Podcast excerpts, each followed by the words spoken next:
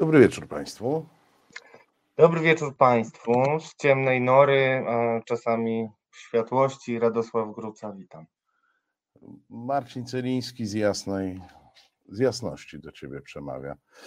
E, proszę Państwa, bez wyjścia, e, czyli jak co tydzień e, w czwartki o 19 program dotyczący program, w którym mówimy jak jest, jeśli chodzi o polexit i jeśli chodzi o działania obecnej władzy. Radek walczy z jakimś światłem. Tak, walczy, E, walczy. Program nasz realizuje Marcin, który mam nadzieję za chwilę trochę poprawi mi kadr, żebym był ciut większy, a nie taki zagubiony w wielkim e, mieście. E, Producentem programu jest Agnodar. Bardzo dziękujemy za wsparcie. E, Na pytanie Skywalkera, czy dzisiaj Celiński dopisze, nie, Celiński dzisiaj nie będzie pisał, będzie gadał. Tyle. E, Radosław, ty będziesz pisał, czy będziesz gadał? Ja będę Was oświecał.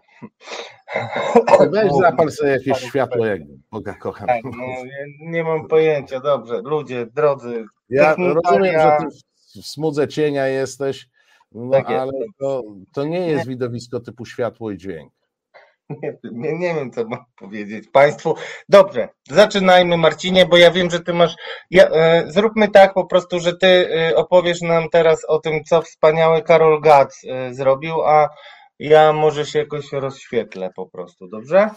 Tak, zrobimy. Tak, proszę. Państwa, zaczniemy, bo e, muszę Państwu powiedzieć, e, co wynika z mojego przeglądu e, prasy, że chyba tam tych, e, w tych badaniach wychodzi PiSowi, że lepiej nie wrzucać tematów takich czysto polexitowych, bo przycichło, przycichło. Od paru tygodni mówimy o tym, że przycichło. Niemniej, moi drodzy, e, czas e, w niektórych mediach na e, głębsze podsumowania. I tak jest w moim ulubionym tygodniku do rzeczy. Tak, proszę Państwa, tak wygląda ten tygodnik. Temat okładkowy jest o showmanach geopolityki.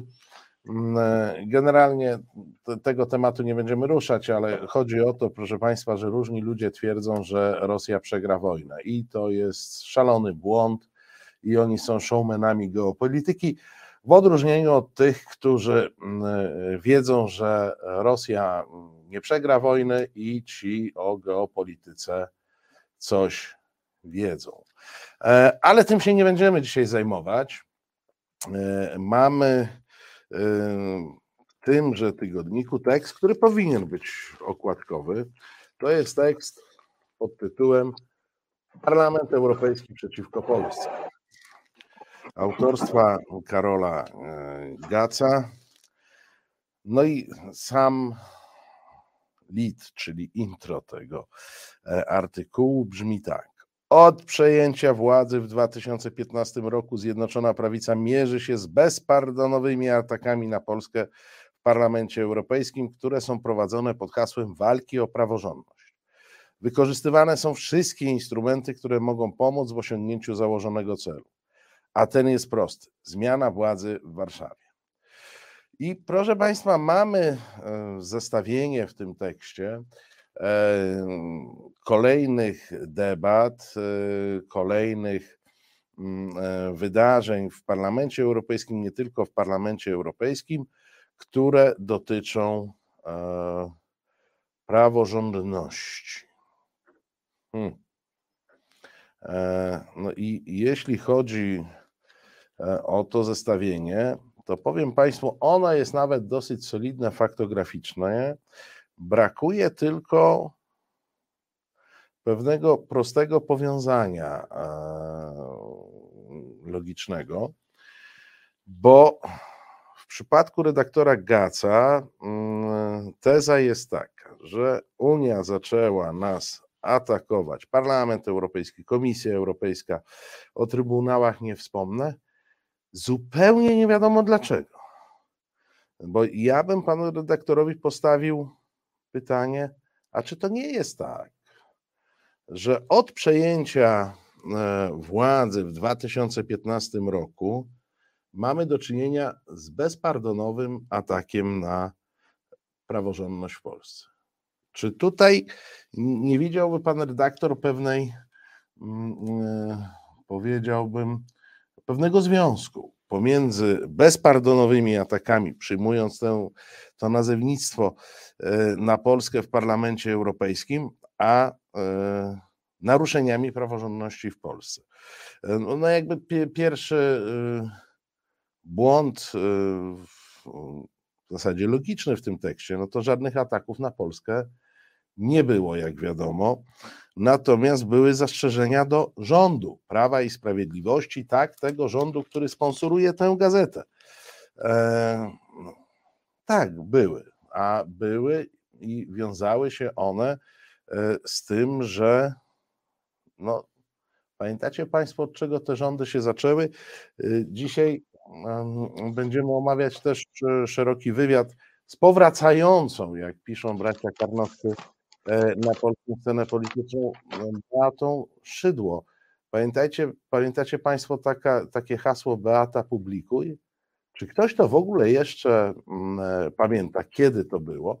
Czy to przypadkiem nie był sam początek e, rządów mm, Prawa i Sprawiedliwości?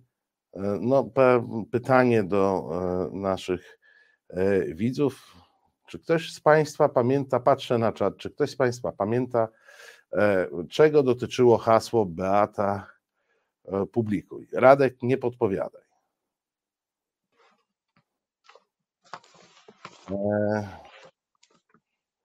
No proszę Państwa, no czekamy, czekamy, czekamy, czekamy. Pamiętamy. Ale co pamiętacie? O co chodziło? Co miała opublikować? O, e, wyroki e, Trybunału Konstytucyjnego. E, no i mamy w tym tekście, jakbym powiedział, sumę żali, którą my tutaj e, co tydzień opowiadamy, sumę żali środowiska PiSu do Parlamentu Europejskiego z ich interpretacjami. E, mamy spisaną w jednym tekście, Mm, no, nieduży ten tekst, bo raptem, e, bo raptem dwie strony. I z mojej strony duże podziękowanie dla pana redaktora, że to wszystko podsumował, co przez wiele lat myśmy tutaj szczątkowo e, opowiadali. To szacunek, szacunek. Wszystkie rezolucje wymienione, wszystkie e, posiedzenia parlamentu Wymieniony Verhofstadt y, jako główny wróg Polski, oczywiście zaznaczony własnym podrozdziałem w tym e, tekście. No i pewnie z tego wyjdzie nam pierwsze pytanie do naszej gościni. E, Eliza Rutynowska jest już z nami. Dobry wieczór. Dobry wieczór, dobry wieczór. Mam nadzieję, że mnie dobrze słychać. Bardzo dobrze. No to proszę powiedzieć, Dlaczego ten Parlament Europejski jest przeciw Polsce i to tak uciążliwie e, zupełnie? No bo już w styczniu 2016 roku, a więc zaledwie dwa miesiące po wyborach, to cytat e, z redaktora Gaca, wygranych przez Zjednoczoną Prawicę, odbyła się debata o Polsce, podczas której ludowcy i socjaliści atakowali rząd w Warszawie za niszczenie sądownictwa i mediów. E, no to faktycznie jeszcze dobrze e, Beaty się nie umościły w rządzie, a, a już był atak. No i, i w dodatku nie, nie, cała, nie cała Polska stanęła po stronie Polski, czyli po stronie PiSu i tego rządu. Dlaczego ten Parlament Europejski od początku czepiał się, czepiał się, nazwijmy to po imieniu Polski? Znaczy, przede wszystkim należy podkreślić, że absolutnie Parlament Europejski nie jest przeciwko Polsce. Parlament Europejski i później w konsekwencji, e, jak zaczęliśmy, znaczy jak rząd zaczął rozwijać się w swoich antykonstytucyjnych zapędach, stawał w obronie europejskiego porządku, standardów europejskich i ergo również polskich bo y, Polska przyjęła te standardy europejskie jako swoje również. Zgodziła się, że e, jesteśmy na tym samym, na tej samej mm, nomen omen karcie, o której też dzisiaj pewnie będziemy troszeczkę mówić. A tu się okazało, że pojawiło się sporo osób, które jednak stwierdziły, że e, obejmując władzę, y, również oby, mają prawo do redefiniowania tak naprawdę tego, co to oznaczają e, wartości unijne w Polsce i w jakim zakresie e, Unia ma prawo albo nie ma prawa wypowiadać się na temat tego, co się u nas dzieje. E, kompletnie ignorując fakt, że jesteśmy w 2004 roku staliśmy się częścią wspólnoty i ignorując fakt, do czego to nas tak naprawdę zaczęło zobowiązywać, czyli do respektowania takich, a nie innych standardów, takich, a nie innych, a więc demokratycznych. Więc myślę, że tutaj powinniśmy e, z całą stanowczością, wiem, że już e, mija nam prawie dekada, ale powinniśmy powtarzać, że Unia Europejska nigdy nie była przeciwna Polsce. Unia Europejska przyjęła Polskę do siebie um, i, e, i dalej jest za Polską, jest przeciwna um, antydemokratycznym zapędom polskiego rządu. A tutaj jest fundamentalna różnica.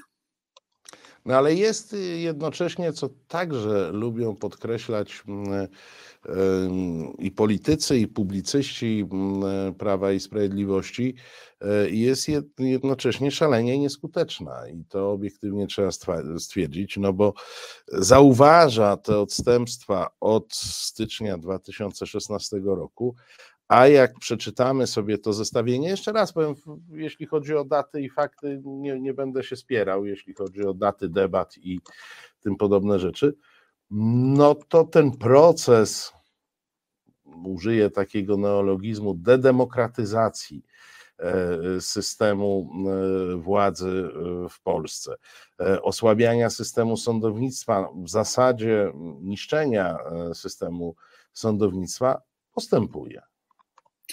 Czy jest nieskuteczna? Ale panie redaktorze, czy um, mamy pieniądze odblokowane z KPO? Nie mamy. I nie będziemy ich mieli odblokowanych. E, nie będziemy mieli ich odblokowanych. Mamy zagrożone kolejne fundusze, tym razem fundusze spójności. Mamy nałożone na nas gigantyczne kary a z tego, co widziałam ostatnio, to już tutaj mówimy o e, pół miliarda. Zaczynamy się zbliżać do, do takich kwot astronomicznych. Więc ja bym tutaj kwestionowała, czy, czy Unia jest, stwierdzenie, że Unia jest nieskuteczna.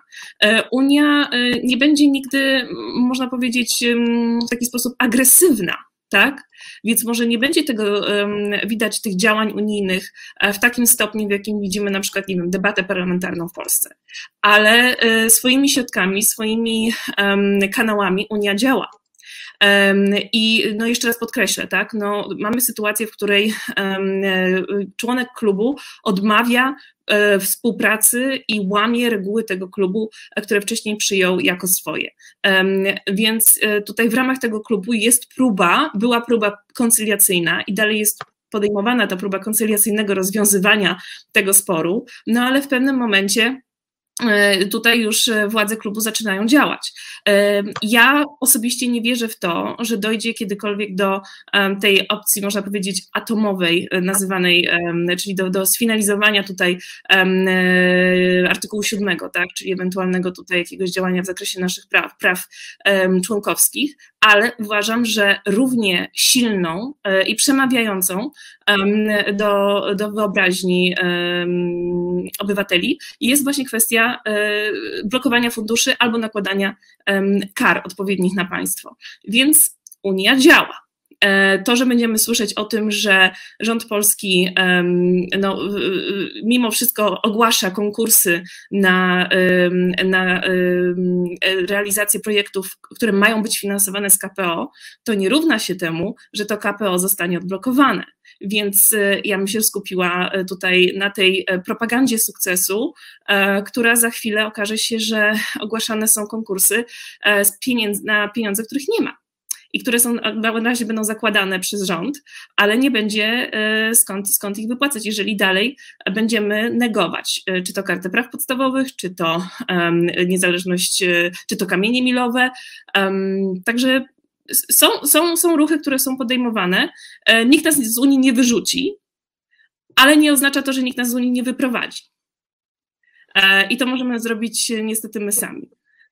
No właśnie, ciekawa jest ta kwestia KPO. Przez chwilę, mm, przez chwilę do niej wrócę, bo nie tylko konkursy są ogłaszane, ale nawet E, rząd zmienił trochę podejście do informowania o finansowaniu ze środków Unii Europejskiej, bo e, jak wiadomo, inwestycje różne finansowane ze środków Unii przeważnie miały taką niebieską tabliczkę z gwiazdkami, z informacją, że to było sfinansowane z jakiegoś programu Unii Europejskiej. Z tymi tabliczkami był nawet jakiś lekki problem ze dwa lata temu, bo się okazało, że ich zabrakło.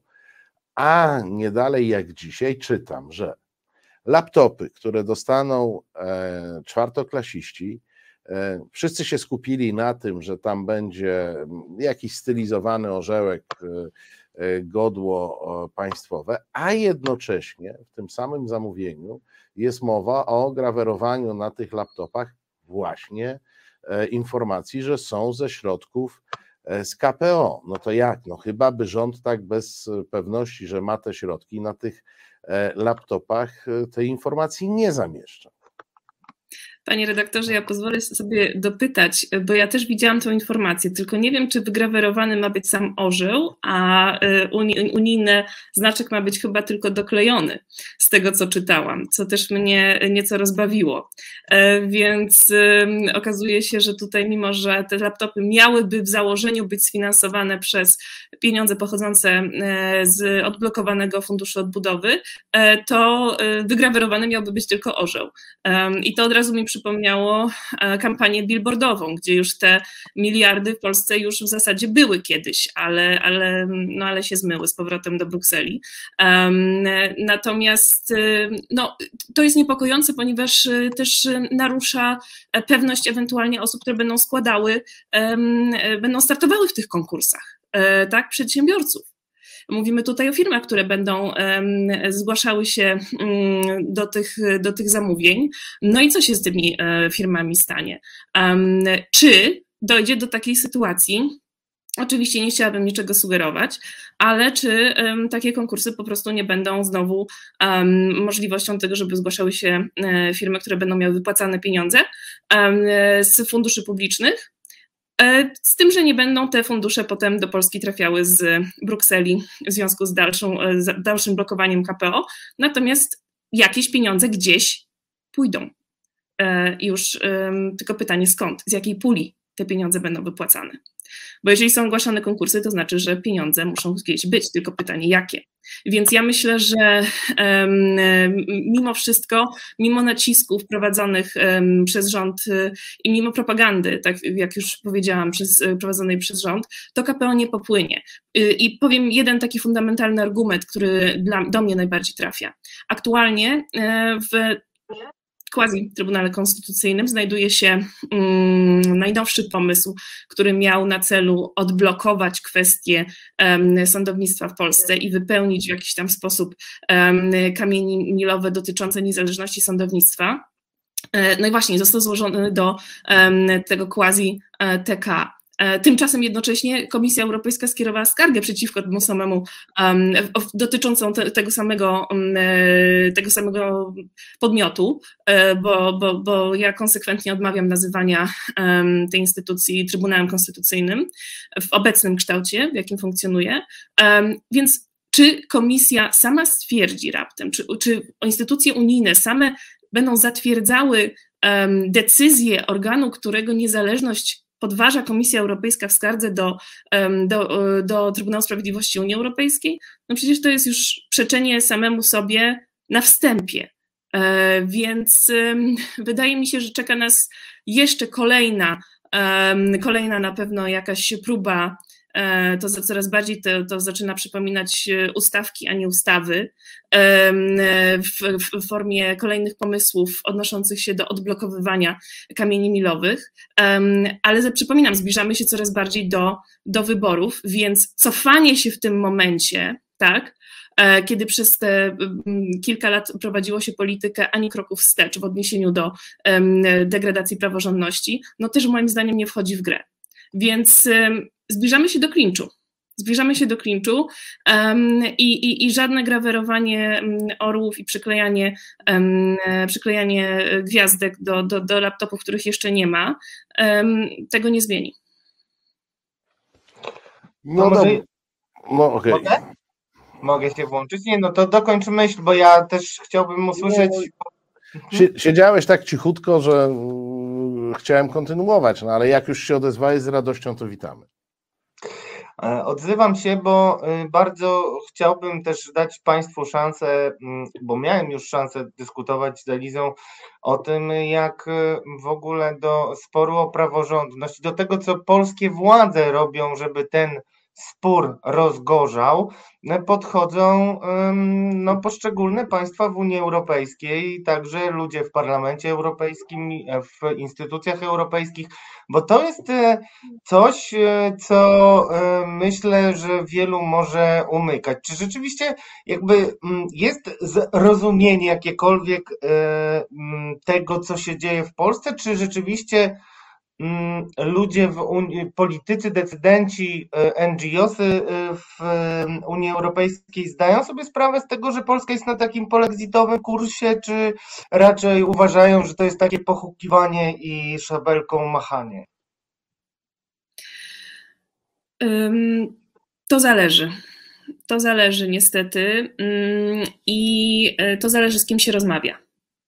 Bo jeżeli mówimy o NGOsach, to NGOsy jak najbardziej mają świadomość tego, co się dzieje, również dzięki polskim NGOsom przede wszystkim, które um, wykonały tytaniczną pracę przez ostatnie lata i w ogóle społeczeństwo obywatelskie wykonało tytaniczną e, pracę e, w zakresie uświadamiania Europy, nie tylko co się u nas dzieje, ale też e, wysyłania takiego jasnego sygnału, że uważajcie, bo wy możecie, bo to was czeka, jeżeli, jeżeli nie będziecie reagować na, na, na mm, takie zapędy mm, dotyczące degradacji praworządności w swoich państwach. Także NGOsy mają świadomość tego, co się dzieje, bardzo wspierają też głosy e, polskich, e, polskich NGO-sów, polskich aktywistów, którzy się pojawiają w Brukseli na, na różne tematy i, i dają im tą platformę. E, gorzej, i, i, to się też odnosi do, do, do instytucji europejskich, jest im, im wyżej, tym jest gorzej z tą świadomością, tak? Czyli jeżeli jesteśmy na etapie takich, można powiedzieć, grassrootowych organizacji i nawet takich, powiedziałabym, średnich, to tak, jest duża świadomość.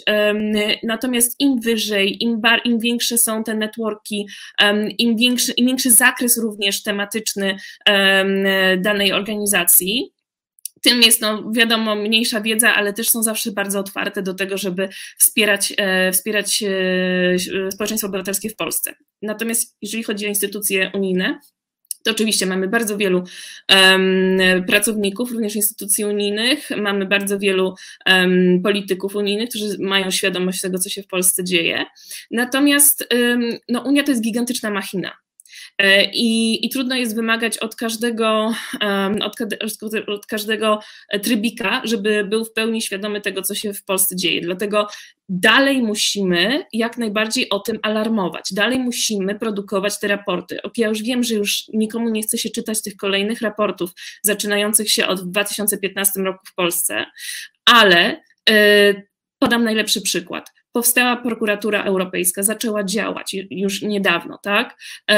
Osoby, które tam zaczynają pracę, dopiero tworzą historię tej instytucji, dopiero tworzą mechanizm tak naprawdę jej działania w praktyce.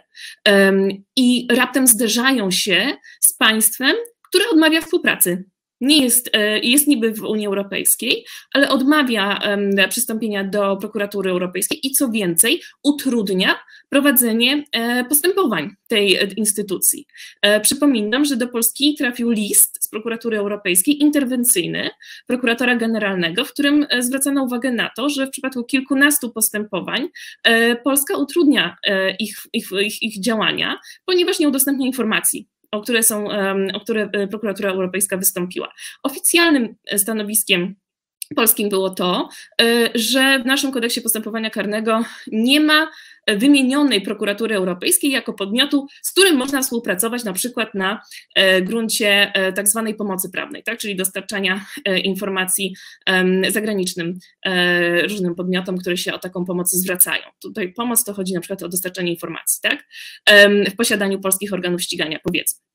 Więc ym, takie różne kwiatki się pojawiają, i wtedy taka instytucja y, szuka informacji, tak? szuka, szuka wiedzy. No i oczywiście wtedy znowu pojawiają się raporty y, i, i społeczeństwo obywatelskie z Polski, które też to tłumaczy. Także jak najbardziej, tak? Unia, to nie jest tak, że Unia jest znudzona naszym tematem. E, tylko e, ogrom też, e, też tematyk, tematyki jest, jest, jest dosyć szeroki, tak? Jest, jest tak wiele sytuacji, tak? Prokuratura Europejska to jest tylko jeden przykład, który podałam, ale z drugiej strony można zapytać, no OLAF, tak, czyli instytucja powołana do monitorowania ewentualnie przestępstw przeciwko funduszom unijnym, finansom unijnym. No, ona też tylko do pewnego stopnia zadziała. Nawet jeżeli będzie wszczęte postępowanie wyjaśniające, no to oczywiście ona zgromadzi e, informacje i przekaże je prokuratorze e, krajowej. No i e, nasza prokuratura być może po prostu podziękuje serdecznie za informacje jej przekazane i powie, że się tym zajmie, albo i nie. Więc jakby tutaj jest, jest ten problem zderzenia. Natomiast to, co mnie niepokoi, to jest taki, mm, mimo wszystko po, po, po, po tylu latach tłumaczenia um, takiego, tego, co się dzieje na poziomie systemowym, to dalej jest duża trudność w zrozumieniu tego, jak ważne jak kluczowe dla całego procesu były zmiany personalne. I myślę, że to jest, y, to jest różnica, którą można wyczuć tutaj na poziomie krajowym, tak? Bo my, y, osoby, które tutaj żyją, wiedzą, tak? Jaka była droga na przykład, powiedzmy, Daniela Obajtka, tak? Albo jaka była droga kariery teraz sędziego quasi Trybunału Konstytucyjnego e, pana e, Święczkowskiego, tak? Więc my mamy to w tyle głowy. Ale te osoby, czy Mariusza Kamińskiego na przykład, ale te osoby trzeba na nowo przedstawiać i tłumaczyć, ponieważ jeżeli w Unii ktoś mówi Centralne Biuro Antykorupcyjne, powiedzmy, no to instytucje unijne czy przedstawiciele instytucji unijnych rozumieją to jako Centralne Biuro Antykorupcyjne. A tu się okazuje, że ta instytucja ma za sobą dosyć istotną historię. I, i tą instytucją kierowały osoby, które zostały skazane, a potem nieprawomocnie, a potem e, zostały e, uniewinnione od bycia niewinnym, rozumiem, przez prezydenta. Więc, więc jakby i potem, i potem zostały jeszcze szefami Ministerstwa Spraw Wewnętrznych i Administracji. A potem były zamieszane w historię Pegasusa. Więc jakby ten cykl cały trzeba bardzo często powtarzać i przypominać. Bo bez tego myślę, że y, dramatyzmu y, tego, co się dzieje w Polsce i nie tylko w Polsce, bo ten mechanizm właśnie y, jest praktycznie jeden do jednego z tym, co się dzieje na przykład na Węgrzech. Do tego się nie zrozumie bez takiego tłumaczenia. Więc to jest trochę takie tłumaczenie przedstawienia e, i, i przechodzenie przez, wszystkie, przez wszystkich bohaterów, e, których, którzy wchodzą na scenę. Ale to w takim razie, bo to jest bardzo ciekawe, co, co y, powiedziałaś odnośnie y, tego braku y, rozumienia.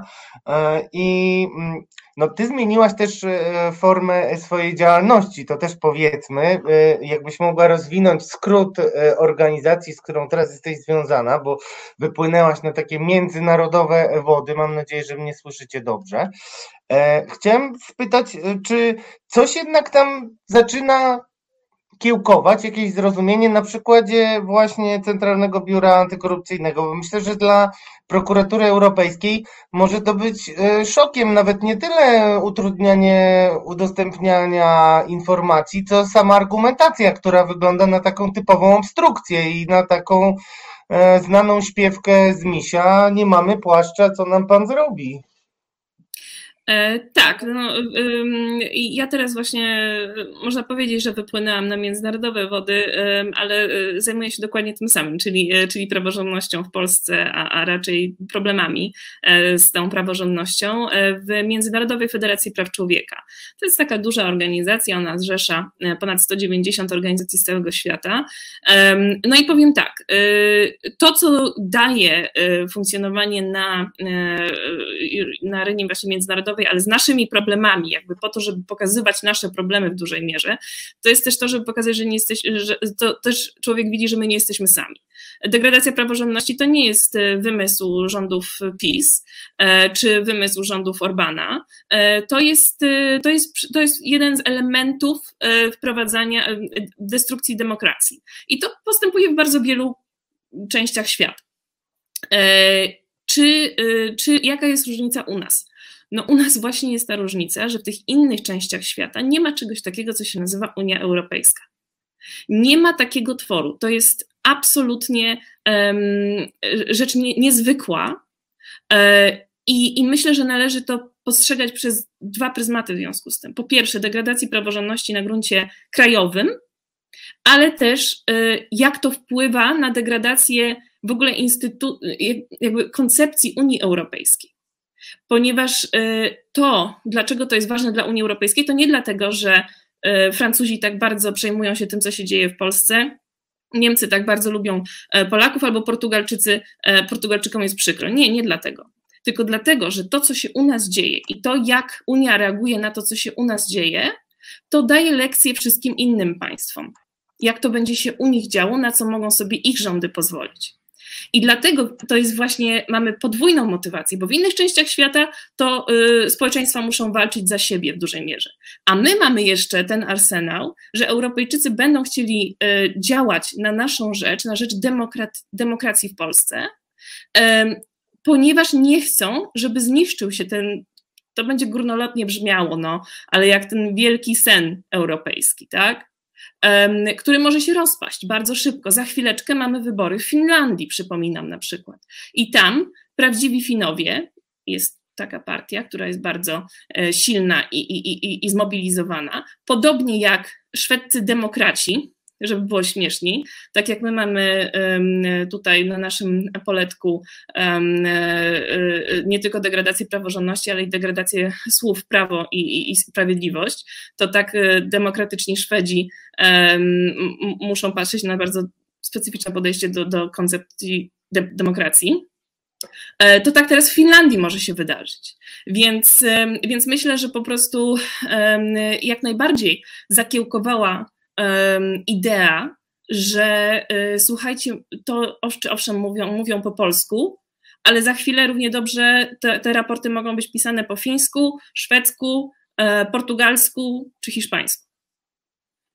Hmm, no jest jeszcze jeden wątek, który chciałbym włączyć do naszego programu e, już na stałe. Wprawdzie Radek może być zaskoczony, bo jeszcze z nim rozmawiałem, ale na pewno do tej rozmowy. Jesteśmy na takim, a nie innym e, etapie relacji z praworządnością, e, a za pośrednictwem praworządności z Unią Europejską. E, tam ja już nie będę patował liczbami, liczniki nam biją przeróżnych kar. Sami żeśmy, w, w, zgłaszając się do KPO, zadeklarowali, że nie spełniamy warunków podstawowych, przynajmniej uczciwie e, i e, szczerze. E, no dobrze, a jak to będzie wyglądało w trzeciej kadencji PiSu? Bo przecież oni nie odpuszczą niczego.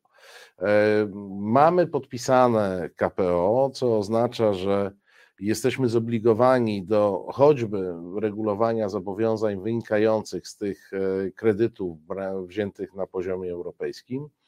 E, brać tych środków nie będziemy, ponieważ nie odpuścimy. E, co dalej w trzeciej kadencji PiSu? E, czyli zakładamy, że, że trzecia kadencja będzie, rozumiem. No, mm. zgodzimy się, że istnieje taka możliwość, ja powiem bardzo eufemistycznie i Dobrze. delikatnie i zachowawczo. Istnieje taka możemy, możliwość. Możemy tak przyjąć, szczególnie, że ja um, zawsze przypominam, że e, dużo osób już, już nie pamięta, kto, kto zatwierdza e, ważność wyborów, a, a, a niestety mamy tutaj do czynienia z kolejną, e, z kolejnym tworem, e, no też, też gdzie mamy wszystkich nominatów już z nowego nadania NeoKRS, więc, więc no niestety to jest troszeczkę niepokojące, znowu eufemistycznie też powiem.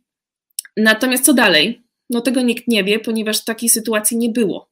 Nigdy w historii takiej, historii, takiej sytuacji nie było. Y, ja myślę, że bardzo wiele państw, e, tych, które jeszcze same nie mają aż tak na bakier e, z, ze standardami europejskimi, zaczyna się zastanawiać, czy pomysł, żeby nikogo nie można było wyrzucić, jest dobry e, w dalszym ciągu. Ale, ale tak jest, więc, więc na pewno to się nie wydarzy. Jeżeli będzie trzecia e, kadencja e, takiego postępującej degradacji praworządności. To wrócę do mojej pierwszej odpowiedzi wieczoru, czyli że ja nie wierzę w wersję atomową artykułu 7, ale jeżeli będzie trzecia, jeżeli będzie kolejne e, cztery lata czegoś takiego, no to myślę, że tutaj możemy e, powrócić do tego pytania i się zastanowić, czy jednak ten artykuł 7 nie zostanie też zaktywizowany, bo to, że mechanizm e, pieniądze za praworządność będzie, z, z, będzie być może w części zaktywizowany, to na pewno. Natomiast jeżeli Polska nie będzie miała z czego wypłacić, tych pieniędzy, to to już jest pytanie bardziej do ekonomistów, co się wtedy wydarzy. No Ale e, pytanie, czy nie czas nie ma e, z czego płacić, ponieważ można to potrącać e, z funduszy podstawowych. Jeszcze zaraz, do kiedy my mamy perspektywę? Chyba jeszcze dwa lata.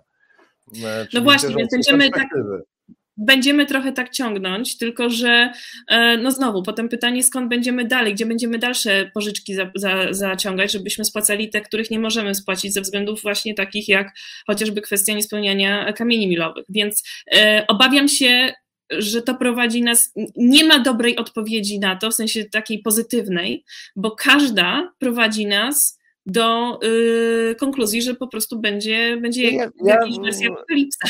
Bo, bo ja się także zastanawiam nad, y, może nawet y, nie, nie skupiam się na tym, co to znaczy dla nas tutaj w Polsce, e, bardziej się zastanawiam nad tym, nad samą wspólnotą europejską, która no, dała sobie, e, dała sobie pozwoliła sobie na to, że tolerowała dosyć długo e, Wiktora Orbana i dosyć późno reagowała na to, co on robił, to tam podstawowym motywem jest korupcja. Dosyć długo e, toleruje PiS. Tutaj mm, korupcja jest na drugim miejscu, na pierwszym miejscu jest e, praworządność. No, to jest trochę do tego, co pani mówiła. Jeżeli się toleruje takie zjawiska w jednym kraju, E, no to zaczyna się też patrzeć, czy przypadkiem w innym kraju nie idzie ktoś e, tą samą drogą i czy Unię Europejską stać na takie państwo.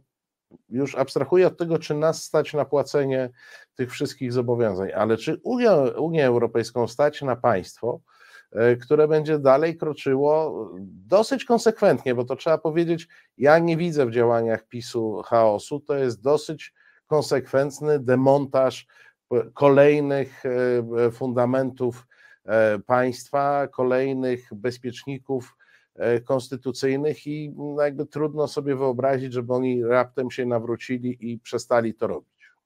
Nie, absolutnie. Oni, oni się nie nawrócą, ponieważ um, nie wiem, nie, nie, istnieje chyba instytucja um, świadka koronnego w, w, tym, w tym przypadku um, osób, które, które dopuszczają się degradacji praworządności w, już w formie ustrojowej. Um, ale to oczywiście, y, zostawiając żarty na bok, to myślę, że Unii absolutnie nie stać na, na, na takiego członka. Unii nie stać y, na to, żeby y, kilka państw, które e, przestrzegają na początku y, reguł, które zostały ustalone na początku, żeby utrzymywały e, państwa, które e, jedyne, co, czego chcą, to jest, y, no mówiąc tutaj tak dosyć wprost, e, chcą ciągnąć kasę, tak? Bo to nie na tym Unia polega. I, i myślę, że tutaj też jest, to jest taki, taki przekaz, który myślę, że bardzo warto byłoby przypomnieć e, przed nadciągającymi wyborami e, obywatelom polskim, że e, Unia Europejska nie polega, owszem, jest to jeden z aspektów, które wyniknęły z członkostwa w Unii Europejskiej, tak, te fundusze, ale to nie jest jakby klub programu, a tak to, tak to wygląda, tak, że my nie musimy przestrzegać żadnych standardów i tylko Unia ma nam płacić za to, że my jesteśmy jej członkiem, to tak nie działa. E, I, I, myślę, że mm, są dwa wyjścia, tak? Albo no będzie ta wersja atomowa artykułu 7 i po prostu Unia nie będzie chciała słuchać takiego członka, e, bo nie może go wyrzucić, ale może go powiedzmy w cudzysłowie wyciszyć, odbierając mu e, tutaj uprawnienia. Albo, i to jest coś, co mnie bardziej przeraża, Unia się zmieni. I już nie będzie na przykład takich funduszy, tak? Już no nie będzie takich programów. To nie jest tak, że jedynym wyjściem dla Unii Europejskiej e, w momencie, kiedy ma takich Węgrów, ma takich Polaków, być może ktoś jeszcze do tego grona dołączy, jest krok albo nawet skok wstecz, powrót do jakiegoś takiego miękkiego EWG, które zajęłoby się regulacją e, rynków. No może w tej chwili węgiel i stal nie jest najważniejsza, ale są inne produkty strategiczne i na pewno można by było w, e, w tym obrębie się dogadać, natomiast absolutnie skasuje wspólnotę polityczną czy wspólnotę idei. Yy, tak, ja myślę, że yy, myślę, że to właśnie będzie do czegoś takiego dążyło, tak, do bardziej takiej współpracy znowu e, gospodarczej, tylko znowu, no dla gospodarki podstawą jest stabilne prawo, bo tylko w sytuacji stabilnego ustroju, stabilnego prawa, niezależnych sądów, przedsiębiorcy mogą się rozwijać. Jasne, ktoś zaraz mi powie, że e, kiedy jest wojna, to się wszyscy, wszyscy bogacą, ale to wcale nie jest żaden stabilny, e, stabilne e, środowisko. Ale to jest, to jest czasowe, tak? To jest czasowe, żeby się rozwijało jakiś region, żeby się rozwijał, to musi mieć długotrwałe, stabilne e, prawo, przewidywalne działania władz, przewidywalne działania rządów i w jakiś sposób tutaj, żeby mógł liczyć i planować swoje działania następne. Więc nawet w sytuacji, jeżeli byśmy szli tylko i wyłącznie do jakiejś wspólnoty quasi gospodarczej, to też to prawo, praworządność jest ważna. Więc ja myślę, że po prostu e, dalej nikt nie będzie chciał wtedy z Polską i Węgrami gadać z tych państw, które chcielibyśmy, żeby z nami gadały, mówiąc potocznie. E, ale ja chciałam jeszcze zwrócić na jedną rzecz e, kluczową uwagę. Na kwestię tego, że my dalej, jakby my mówimy troszeczkę tak, cały dzisiejszy wieczór trochę zignorowaliśmy kwestię tego, co się dzieje na wschodzie. Bo my mówiliśmy, ja pamiętam kiedyś byłam e, u panów redaktorów tutaj w tym programie e, przed wybuchem wojny w Ukrainie, a, a teraz jesteśmy po. I myślę, że to też diametralnie zmieniło e, sytuację. I diametralnie zmieniło to, jak bardzo potrzebujemy Unii. Jak potrzebowaliśmy Unii wtedy bardzo, to teraz to jest dla nas, moim zdaniem, być albo nie być. E, ponieważ tylko silna, zjednoczona Europa będzie mogła coś znaczyć e, w tym niepewnym świecie, który nam się kreuje e, w związku z konfliktem w Ukrainie. Ponieważ Stany są bardzo silne, i w mojej ocenie Polska jest dla nich partnerem tylko i wyłącznie w połączeniu z Unią Europejską. Więc nawet od, odcinając wszystkie moje argumenty o demokratycznym państwie prawa, jeżeli mówimy tylko i wyłącznie o pieniądzach, to bez Unii również nie damy rady w tym aspekcie, również gospodarczym. E, I to też przez, przez to, co się dzieje na wschodzie. Więc jakby na to nie spojrzeć, e, to jest dla nas być albo nie być. Pani Elizo, jeszcze chciałem spytać o jedną rzecz, e, bo napisała Pani taki głośny test tekst w gazecie wyborczej głośny, bo głośno powiedziała pani to, co inni mówią półgębkiem albo warunkując. Napisała pani mm, w tekście praworządność ważniejsza niż KPO. E, no i chciałbym, żeby pani podzieliła się z nami swoimi argumentami, czy może coś się w międzyczasie zmieniło, bo to był tekst jeszcze z końca lutego, e, ale no, o ile dobrze pamiętam, a raczej dobrze pamiętam, jest pani bardzo konsekwentna w tym. I ja myślę, że ja myślę, że ktoś, y, że to jest jedyne wyjście, żeby być konsekwentnym, e, bo y, jakby nic się nie zmieniło, więc dlaczego ja bym miała e, e, zmieniać, zmieniać moją postawę? Nic się nie zmieniło, praworządność dalej jest, jest niszczona, tylko że okazuje się, że niektórzy stwierdzili, że da, się, da radę pójść na przeczekanie, a inni stwierdzili, że no, może, może jednak będziemy negocjować z ustrojowymi terrorystami. Ja biorę pewną odpowiedzialność za swoje słowa. Ja uważam, że z ustrojowymi terrorystami nie należy nigdy w życiu negocjować, ponieważ nie możemy się zgodzić na nic mniej niż demokratyczne państwo prawa. I już e, dla tych Państwa, którzy nie czytali mojego tekstu, a nie, a nie wymagam tego absolutnie, e, tłumaczę o co chodzi. O to chodzi, że jeżeli zostaną odblokowane te fundusze, to wszyscy wiedzą, do kogo trafią. I one nie będą trafiały bezpośrednio do obywateli, tak jak to władza e, maluje, tylko one będą przez konkretne programy zaprojektowane przez e, władzę w jakiejś tam oczywiście, dopuszczam, w konsultacji z wybranymi podmiotami, będą pośrednio być może trafiały do, e, do obywateli, a inni obywatele będą mogli z nich korzystać. I teraz problem polega na tym, że w ramach tworzenia w ogóle otoczki do wypłaty tych, e, tych pieniędzy e, powstała na przykład, dla przykładu, sytuacja e, mechanizmu pieniądze za praworządność, tak? czyli tego mechanizmu, który umożliwia wstrzymanie wypłat funduszy, jeżeli okaże się, że państwo ma, jest na bakier z praworządnością. I Polska i Węgry były bardzo aktywnie przeciwko, na tyle aktywnie, że złożyły skargę do um, Trybunału Sprawiedliwości Unii Europejskiej w tej sprawie. Trybunał Sprawiedliwości Unii Europejskiej nie przyznał nam racji, powiedział, że mechanizm pieniądze za praworządność jest zgodny z traktatami e, i Polska tutaj przegrała. Ale co jest kluczowe?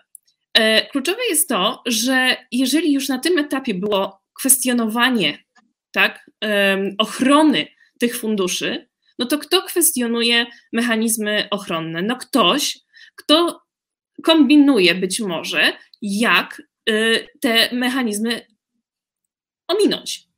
No więc kto, nikt moim zdaniem, kto, komu leży na, na, na sercu jednak przekazanie tych funduszy um, podmiotom, którym, które naprawdę ich potrzebują, nie, nie będzie dyskutował z kimś, kto jest już, można powiedzieć, e, e, recydywistą e, w kontekście mówienia jednego, a robienia drugiego. Kto, kogoś, kto otwarcie, tak jak już wspomniałam, kwestionuje współpracę z prokuraturą europejską. I teraz to powtórzę. Jedyną prokuraturą ponadnarodową, która umożliwia wszczynanie postępowań karnych ponieważ zakłada co najmniej dwóch delegowanych prokuratorów europejskich w państwie członkowskim, którzy są wyjęci w ramach swoich działań jako e, prokuratorzy delegowani prokuratury europejskiej spod dyscypliny prokuratora generalnego danego państwa. Czyli wyobraźcie sobie, proszę Państwa, że mielibyśmy dwóch prokuratorów, którzy zajmowaliby się ściganiem przestępstw e, związanych z funduszami europejskimi, wyjętymi spod władzy e, dyscyplin, e, dyscyplinującej Zbigniewa Ziobry. Czy na to się ten rząd zgodzi? Więc ja uważam, że e, KPO, odblokowanie KPO i przekazanie w takiej formie funduszy, otworzenie tego kurka z pieniędzmi w tym momencie do Polski, to jest tak naprawdę no, przekazanie tych funduszy na być może kampanię wyborczą, I to, co wszystko, co mówię, e, to nie jest antypolskie. To nie jest po to, żeby Polsce było gorzej, żeby Polska nie dostała funduszy, żeby, żeby nie wiem, mm, żeby nam się żyło gorzej. Ja to mówię po to, żeby te fundusze rzeczywiście do Polski trafiły, a nie do polskiego rządu a nawet gorzej, do e, politycznej rodziny adopcyjnej. Ja już takie pojęcie e, z Madziara e, lansuję, jeśli chodzi o Polskę, bo tego jest e, coraz więcej. Ale to jeszcze e, dwa tematy, żebyśmy mm, wyczerpali to, na co się umówiliśmy. No to powiedzmy jeszcze, co nam grozi na kanwie tego, co też mówiłaś a propos Twojego stosunku do KPO. No jest jeszcze poważniejszy problem, który mm, moim zdaniem nieprzypadkowo jakby w takiej konsekwencji, że tak powiem, się pojawia. Mianowicie od pewnego czasu Y, Unia sygnalizuje, że grożą nam, y, grozi nam blokada y, środków unijnych, nie tych z Funduszu Odbudowy, tylko środków unijnych, ze względu na to, że Polacy, polski rząd, przepraszam, polski rząd uważa, że nie musi przestrzegać karty praw podstawowych. Uważa, że jest taki protokół 30, który umożliwiał Wielkiej Brytanii niestosowanie w całości karty praw podstawowych. No i w tym tygodniu Oko Press uzyskało jednoznaczne stanowisko komisji, która tłumaczy, że jakby nie ma tutaj e, jakby żadnych odcieni szarości i może to być e, no, jeszcze poważniejsza e, konsekwencja. Ale chciałbym, żebyś nam powiedziała o tym, czy to rzeczywiście, dlaczego to jest tak istotne, jeśli chodzi o przestrzeganie karty praw podstawowych, bo umiesz też tłumaczyć ludziom prawo tak, że widzą nie tylko paragrafy, ale pe pewną e, ideę, która za danymi przepisami e, stoi, ale też chciałem e, Ciebie spytać, czy Ty uważasz, że czy ty dostrzegasz, że to znowu jest pewnie element gry, którą konsekwentnie prowadzi PiS? To znaczy, to jest taka gra w udawanie dialogu, a tak naprawdę na koniec dnia powiedzą, że no, prokuratura krajowa, prokuratura europejska, to tak jak e, w misiu z Londynem. Londyn nie, Lądek nie ma takiego miasta Londyn, tak? No to to jest mniej więcej ten poziom absurdu i czy ktokolwiek sobie zdaje z tego sprawę, jeśli chodzi o ludzi analizujących to, czy w NGO-sach, czy wśród polityków Unii Europejskiej. E, czy sobie zdają z tego sprawę, z tego, że jest prowadzona gra? Absolutnie zdają sobie z tego sprawę. E, politycy też sobie zdają z tego sprawę. E, to, co jest bardzo ciekawe, to jest to też, że ci, którzy decydują się na przyjeżdżać na przykład na misję do Polski, żeby, żeby zebrać z źródeł informacje o, o tym, co się dzieje w kraju. Rozmawiają też po prostu tutaj na miejscu, z, z, robią spotkania, organizują, spotykają się z ludźmi, rozmawiają z samorządowcami, więc jakby te, te, te kanały informacji jak najbardziej te informacje przekazują. Więc nikt jakby się na to już nie nabiera, tak naprawdę. E, za wyjątkiem oczywiście sytuacji, kiedy, tak jak to powiedziałam, w tych instytucjach, tak, no, że, że trzeba czasami wytłumaczyć, kto, kto siedzi w danej instytucji. Ale to łapią, e, jak najbardziej. E, jeżeli chodzi o kartę praw podstawowych i, i, i te kolejne pomysły, że nas to nie obowiązuje, no to od razu mi przypomina się sytuacja z tego, że nie obowiązuje nas artykuł 6 Europejskiej Konwencji Praw Człowieka, czyli prawo do niezależnego sądu, tak? bo Trybunał Konstytucyjny e, pod przywództwem e, e, pani Julii Przyłębskiej powiedział, że to nas nie obowiązuje w odniesieniu do Trybunału Konstytucyjnego, tak? No, z punktu widzenia politycznego na pewno politolog by mm, tutaj Państwu to bardzo ładnie objaśnił, socjolog być może też. Ja jestem prawniczką i ja mogę powiedzieć tylko tyle z punktu widzenia prawniczego to się nie trzyma absolutnie, e, ani to rąk nie ma, ani to nóg nie ma, e, głowy też nie. E, I po prostu jest to jakiś twór, właśnie populistyczny, tak? Twierdzenia, że coś nas nie obowiązuje, bo jest niewygodne, no to nie na tym prawo polega. Prawo właśnie wtedy jest najbardziej potrzebne, kiedy jest niewygodne, bo to znaczy, że działa. E, I twierdzenie, że Karta Praw Podstawowych nie obowiązuje, bo protokół e, brytyjski, który żeśmy też sobie podpisali, e, Przypominam, że ten protokół żeśmy podpisali po to, żeby Unia nam nie wprowadziła bokiem małżeństw dla osób tej samej płci, ani równości w tym, w tym kontekście. A tak naprawdę zapomniano, że Karta Praw Podstawowych dotyczy, obowiązuje w zakresie tego, gdzie obowiązuje prawo unijne, i, i, i absolutnie jakby nie rozszerza poza prawo unijne swojego zastosowania, ale potwierdza prawa fundamentalne, które, na których oparta jest Unia Europejska w artykule drugim Traktatu o Unii Europejskiej. E, I te same prawa mamy wpisane do naszej konstytucji. I tam, na przykład teraz kluczowym oczywiście kością niezgody, już nie są kwestie e, interpretacji prawa do życia prywatnego, tylko kwestia e, znowu niezależnych sądów. No więc jeżeli wychodzi mi ktoś i mówi, że Polsce nie ma prawa do niezależnego sądu, no to ja odpowiadam jako prawniczka, że być może są próby podejmowane, żeby to niezależne sądownictwo zlikwidować całkowicie, ale prawo do niezależnego sądu dalej obowiązuje. Tak bym na to odpowiedziała. Więc, więc no jedynym, jedynym jakby konsekwencją e, takiej niebezpiecznej gry politycznej to jest to, że faktycznie e, kolejne fundusze będą blokowane. No i, i, i, może, jak rozumiem, ty jesteś e, zwolenniczką takiego myślenia, że być może e, to nawet nie byłoby głupie, dopóki ten rząd e, e, rządzi. Ostatnie moje pytanie, y, bo bardzo cenię w Twojej działalności też to, że bardzo szybko i jasno potrafisz reagować, y, kiedy no, elementarne wolności y, demokracji są deptane i nie jesteś w tym gołosłowna, tylko potrafisz to bardzo jasno wyartykułować. I ostatnio tak zrobiłaś, kiedy swój event polityczny zrobił polityk prawa polityk PiSu, e, zwany e, też Danielem Obajtkiem, e, prezes Orlenu, który dzielnie ruszył z odsieczą papieżowi i go uchronił. A mówiąc zupełnie wprost, ogłosił przynajmniej wobec, że on nie nakazuje zdjęcie tygodnika, nie rozumiem, że nie tylko ze stacji, ale pewnie też z tych kiosków ruch orlenowych. E, jak ty do tego podchodzisz? Wiem, że to jest program o Unii Europejskiej, ale to jest y, coś, co jest jeszcze bardziej fundamentalną kwestią, czyli wolność słowa, która po prostu została, no, na, nawet nie chcę powiedzieć zdeptana, naprawdę inne słowa mi tutaj przychodzą do głowy.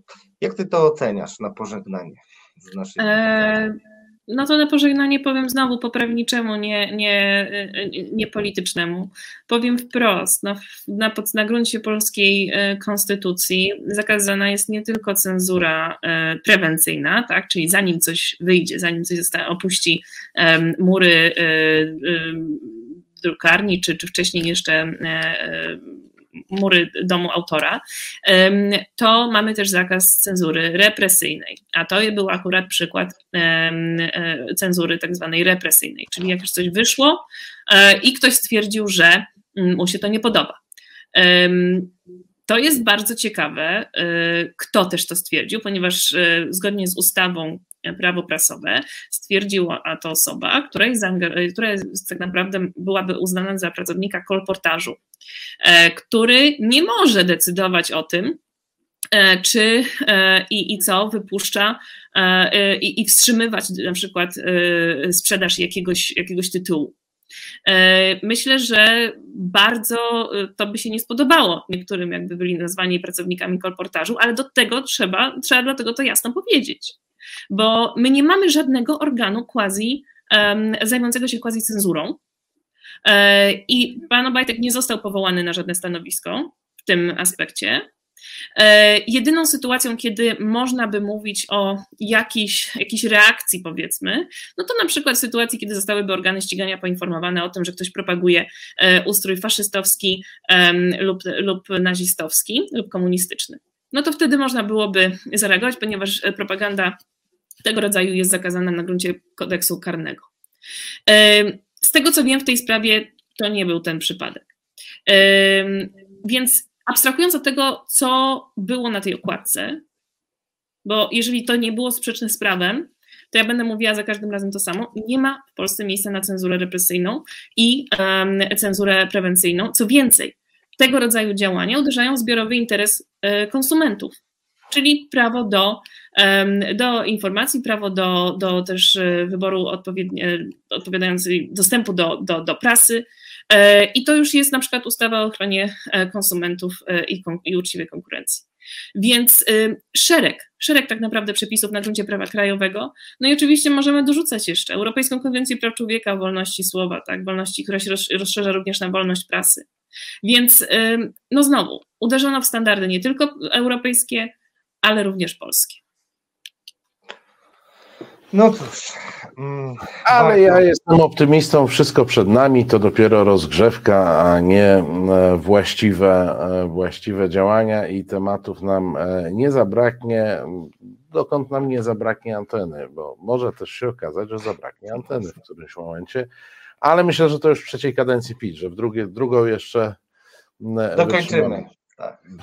Bardzo dziękujemy za dzisiejsze spotkanie i rozmowę. Naszą gościnią była pani Eliza Rutynowska. Kłaniamy się nisko. Wkrótce pani mecenas Rutynowska. To mm, mm Marcinie, drogi, e, Ale, ja nasze... Słuchaj, nie, nie byliśmy przed sądem, dlatego nie mówiłem, już nie tytułowałem e, e, mecenasem, bo tutaj nikt nikogo nie oskarżał i nie bronił tak wprost, przynajmniej w rozumieniu procesowym. A ja w tej chwili proponuję, proszę Państwa, po to, żeby Radek ostatecznie ustawił światło w wersji 8.0, mm, e, krótka muzyczna przerwa. Podobają Ci się nasze programy? Więcej treści znajdziesz na naszym portalu resetobywatelski.pl. Bez wyjścia e, Reset Obywatelski Marcin Celiński nadal e, realizuje nas Marcin. Producentem tego programu jest Agnodar. Bardzo dziękujemy za wsparcie. Dzięki Wam, dzięki temu wsparciu możemy tworzyć te e, e, programy. E, Radek już się pojawił, choć przez chwilę. Mam takie podejrzenia graniczące z pewnością, że on po prostu tańczył do muzyki i dlatego gdzieś tam latał po tym pokoju, ale już, już usiadł z powrotem. Zatem Marcin, jesteśmy do tanga trzeba dwojga, ja tylko z tobą tańczę. Marcin, nie zagaduj, bo ja tutaj e, chcę... Tu samego i musiałeś tańczyć sam, no, jakbyś wpadł no, tutaj. Bo Trzaskowski, Trzaskowski nie odgrabił miasta. E, drodzy Państwo, niech Marcin bardzo proszę e, da szansę, ponieważ to będzie wyjątkowe przeżycie. Zobaczymy za chwilę, czy Czarnecki pokona Moskwę. Dajesz, ma... Ale to Dajesz Marcin. Od, od Czarneckiego, czy jedziemy najpierw Moskwą? Moskwa! Proszę Państwa, jak w 1920 e, roku e, jest zagrożenie i jest propozycja, jest proszę Państwa propozycja dla nas wszystkich. E, posłuchajmy, jaką propozycję ma dla nas pani minister Anna Moskwa. Dzień dobry. Pani minister, ja mam pytanie, ponieważ obecny na sali pan poseł Kuźmiuk i pan poseł Suski nie zdążyli mi jeszcze do tej pory odpowiedzieć. Pytanie zadam pani. Y, świadek w sądzie, jeżeli mówi nieprawdę, to grozi mu trzy lata więzienia. Natomiast panowie dżentelmeni, którzy kłamią, oszukują, farbują się w inny kolor, nie ponosząc żadnej odpowiedzialności za kłamstwa. Jak to w ogóle jest? No to jest bardzo dobre pytanie. My niestety nie możemy odebrać paszportów tym, którzy w Brukseli y, kłamią i działają przeciwko Polsce. Nie ma takiego narzędzia, ono byłoby niezgodne y, z prawem europejskim, chociaż pewnie wielu z nas taką pokusę by miało. Bo jeżeli ktoś jedzie za granicę i szczuje przeciwko swojemu państwu, to pytanie, czy jest jeszcze godzien, żeby stać pod biało-czerwoną flagą. Nie widzę tego w innych państwach. To jest nasza ta zła, paskudna, opozycyjna specyfika, ale bierzemy na warsztat do przemyślenia, przekażę panu ministrowi Ziobrze, żeby przemyślał jakieś instrumenty prawne dla tych, którzy szkalują Polskę. Oczywiście mamy wszyscy wolny dostęp do sądów, możemy złożyć indywidualny wniosek, ale rozumiem, że Pan mówi o czymś skutecznym, automatycznym, co by zadziałało. Europosłowie, ale i obywatele polscy, którzy zmieniają swoje poglądy. Wszyscy się różnimy. Jesteśmy różni, mamy różne poglądy. Y, oczywiście dziwi nas, jeżeli te poglądy są poglądami antypolskimi. Zdarzają się też takie poglądy. Ważne, żebyśmy umieli rozmawiać, ze sobą żyć, żeby w tym wszystkim nie było nienawiści, języka nienawiści i niechęci. A myślę, że ten potencjał jest i mam nadzieję, że ten potencjał jest, tutaj widzę taką, takich kilku młodych przedstawicieli, że ten potencjał jest też w młodym pokoleniu, które będzie pokoleniem jeszcze większego dialogu niż my, bo o to w tym wszystkim przecież chodzi, żebyśmy się dogadali.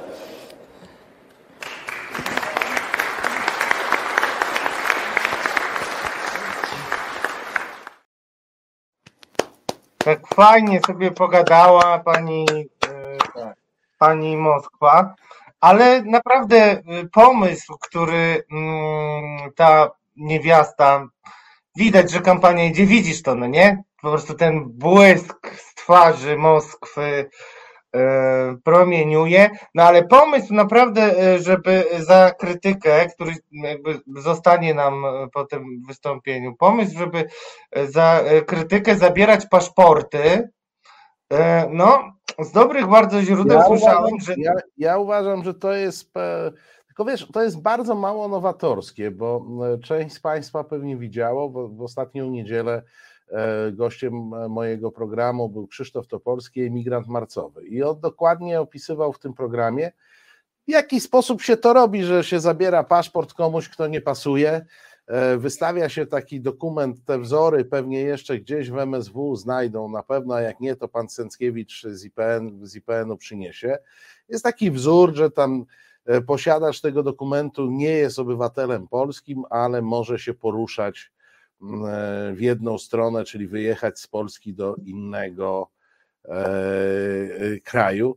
E, wiesz, chciałoby się śmiać, bo to jest oczywiście absurd. Chciałoby się powiedzieć, że droga Moskwo, prawda jest taka, że do tych krajów, do których ja lubię jeździć, to nie trzeba paszportu, bo jesteśmy w Unii Europejskiej i ja sobie z dowodem osobistym w kieszeni pojadę, jak mi ten E, paszport zabiorą. Paszport jest potrzebny do tych krajów takich innych. No, na przykład, jakbyśmy chcieli do Moskwy pojechać, to jest potrzebny e, paszport. Na dowód się tam nie wiedzie, ale ja uważam, że pani Moskwie e, tytuł polexitówki tygodnia należy się za tę niepowtarzalną moczarowską mentalność. To jest osoba stosunkowo E, młoda. E, zdaje się, że jest młodsza ode mnie, e, więc w 68 roku nie miała okazji, pewnie na, na pewno jej na świecie nie było, nie wiem, który jest rocznik, więc nie miała okazji. A zobacz, jaką ma świetną pamięć, chyba genetyczną, że ona potrafi tak gładko wejść i zastosować dobre, sprawdzone wzory. Ona ma pamięć, nie wiem czy genetyczną, ale taką rodową, można by powiedzieć, nazwisko rodowe. E, panieńskie, nie wiem jak, znaczy to jest podejrzana historia, naprawdę, bo to taki pomysł. Nie, nie chcę, żebyśmy tam, no, bo ona tym nazwiskiem się trochę prosi o, o kpiny, e, ale to jak wiadomo jest niegodne, choć przypomina mi to pewną sytuację z przesłuchania, kiedy oficer służby bezpieczeństwa e, pod koniec przesłuchania mówi, o bardzo przepraszam, naruszyłem procedurę, nie przedstawiłem się, porucznik okrutny jestem. Ja myślę, że tutaj e, analogicznie można by było powiedzieć: zabieram paszporty, o przepraszam, nie przedstawiłem się, Moskwa jestem. No, no nie, no, no nie, no nie czepiamy się. Oczywiście to takie tam e, takie ma, małe złośliwości, ale to wszystko naraz, ten, ten taki blichtr pani zupełnie e, odnowiona e, Moskwa idzie, chce zabierać paszporty, no to wszystko jest jakieś takie naprawdę znamienne, no razem, nagle na tak, czerwono, tak, tak. Nie, nie wiem, czy zwróciłeś uwagę na tą żywiołowo reagującą publiczność taką, bardzo zaangażowaną. Niektórzy mieli e, polskie flagi, takie małe, takie chorągiewki. Tak, e, I wcale nie byli pod nimi, tylko jakoś tak oni sobie machali na wysokości kolan tymi flagami. Nie wiem dlaczego. Oj, Marcin, no, e, no dobrze, ja nie wiem, szczerze mówiąc, z czym do ludzi, no nie? Po takim wystąpieniu i to multimedialnym, no ale nic, no. Teraz zastanów się, co powiesz, bo ci paszport zabiorę. Dokładnie, y, no ale niech Czarnecki y, ma szansę pokonać Moskwę. Raz w życiu. Ryszard, Richard Henry versus Madame Moskwa. E, dlaczego chcę go nominować? E, bo e, przypomniał mi coś, co kiedyś było bardzo niewinne i coś, co się pewnie zaczęło tuż po wejściu Polski do Unii, bo nie wiem, czy pamiętasz, a już może warto sobie to przypomnieć, że na początku największym polem do krytykowania Unii Europejskiej była taka mm, dość, bym powiedział, mm, legislacja z tendencją do bycia przeregulowaną, czyli na przykład określanie kątów e, bananów i tak dalej. I teraz wiesz co, i, i teraz przeczytam Państwu e, ten zacny felieton Ryszarda Czarneckiego, bo mnie nostalgia za tymi czasami e, i za, za, za tym momentem, rozumiesz, że minęło od 2004 roku lat, niedługo będzie 20, E, I, I komu kurczę przeszkadzało to czepianie się tylko i wyłącznie marchewek. Ale słuchajcie, Państwo, co tam wysmażył mm, Richard Henry walczący, mm, żeby pokonać Moskwę. Tytuł UE Śmiech zamiera na ustach. Zaprawdę powiadam wam, nie śmiejcie się z Unii Europejskiej, a jak będziecie się śmiali, to szybko przestaniecie się śmiać. Ci, którzy zaśmiewają się z głupoty Brukseli, która wprowadza różne rzekomo absurdalne rozporządzenia, niech napiją się zimnej wody. Oto bowiem niektóre regulacje UE, które rozsądnych ludzi wprowadzają w osłupienie. Regula, regulowanie krzywizny banana, uznanie, że marchewka to owoc, a ślimak to ryba, nie są bynajmniej realizacją snu pijanego eurokraty, lecz decyzjami, decyzjami bardzo przemyślanymi. I uwaga, uwaga, mocno wylobbowanymi SIK. SIC, wiecie. Tak, bo są one efektem grupy interesów. Otóż regulacje unijne, podobnie jak kapitał, mają swoją narodowość. Jak ktoś rechoczy, że Unia nie ma nic innego do roboty, tylko zajmować się optymalnym kształtem bananów, to najzwyczajniej w świecie błądzi. Lekceważy bowiem miliony, miliony euro, które dzięki takim, a in, nie innym zapisom poszły z Unii do określonego kraju. O co bowiem chodziło z bananami? Przyjęto regulacje dotyczące ich długości i kształtu, aby uprzywilejować spełniające, spełniające e, od dziwnym trafem te kryteria Banany z dawnych kolonii Francji, a nie te z krajów Ameryki Środkowej i Południowej. A co z marchewką, która stała się według prawa Unii owocem? Sprawa jest równie prosta. Portugalia wymusiła na Brukseli, aby producenci jednego z ulubionych przysmaków dżemu e, w tym kraju dżemu marchewkowego mogli dostawać olbrzymie dotacje z Unii przeznaczone wcześniej wyłącznie dla producentów przetworów z owoców.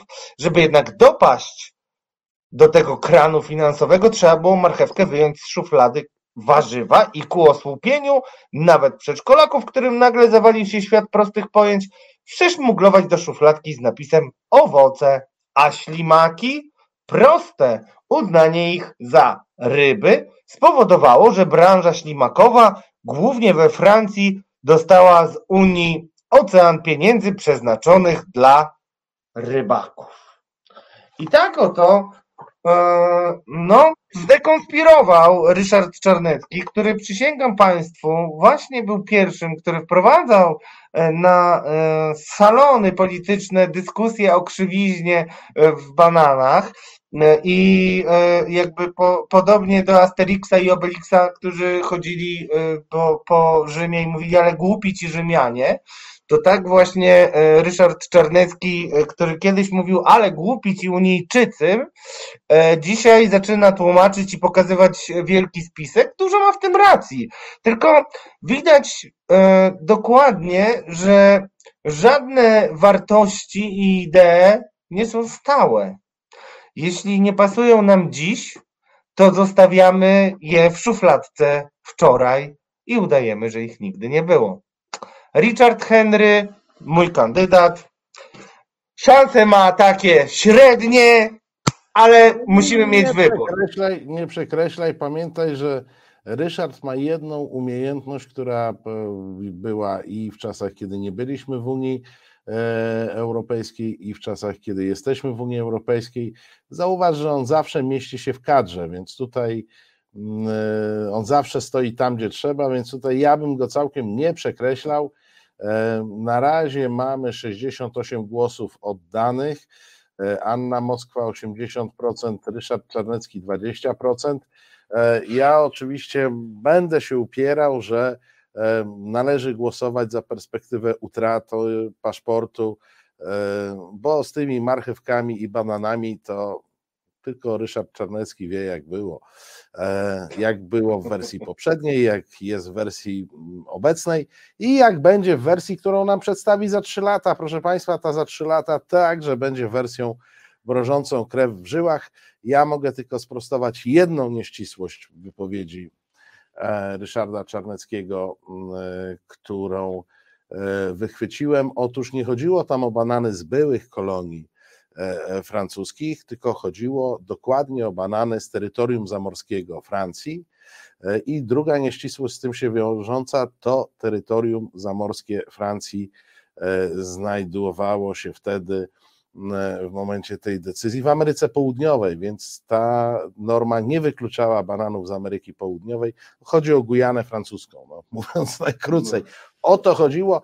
Historia jest bardzo stara i bardzo znana e, i jest to e, przykład lobbingu francuskiego na rzecz swojego e, terytorium bardzo, bardzo znanego. Więc, no ale Ryszard dalej prowadzi swoją E, krucjatę mm, dalej e, docieka, e, dalej prowadzi śledztwo w sprawie banana. Zaczekajmy kilka lat, dojdzie do prawdy. Dojdzie do prawdy. Niech, niech, niech już pędzi do. Niech już pędzi. No to Radku, to chyba zaproszę Ciebie i Państwa do Polexit Newsów. Chyba to już ten Nie moment, prawda? Tak jest. Proszę Państwa, tak ja chyba będę coraz bardziej podkreślał e, to, że naprawdę należy mi się odszkodowanie. Naprawdę należy mi się odszkodowanie za cotygodniowe e, czytanie. Jest, jak mówiłem Państwu na wstępie, jakby Europa trochę spada, e, natomiast są inne mrożące krew w żyłach wieści, którym Państwo oczywiście oszczędza, ale niestety szukając tych europejskich Także musiałem się, moi drodzy, dowiedzieć na przykład, że Beata wchodzi do gry. O, tak, wchodzi. E, I to jest nieuchronne, proszę Państwa, nie schowacie się e, przed tym. E, no, mm, że do polskiej polityki wraca także Ryszard Petru, tak twierdzi tygodnik sieci. E, że Jan Paweł II był hetmanem niepodległości. Tak, proszę Państwa. E, w ogóle o, o, o JP2 to dużo się dowiedziałem dzięki temu, że e, przeglądam, że przeglądam prasę. No, oszczędzę Państwu także zapoznania dokładnego z tezami felietonu Marty Kaczyńskiej-Zielińskiej, która mm, przypomina ostrzeżenia e, Jarosława Kaczyńskiego, czyli jej wujka, przed relokacją e, imigrantów e, i no, tam padła ta słynna teza tam o pięćdziesięciu kilku strefach szariatu.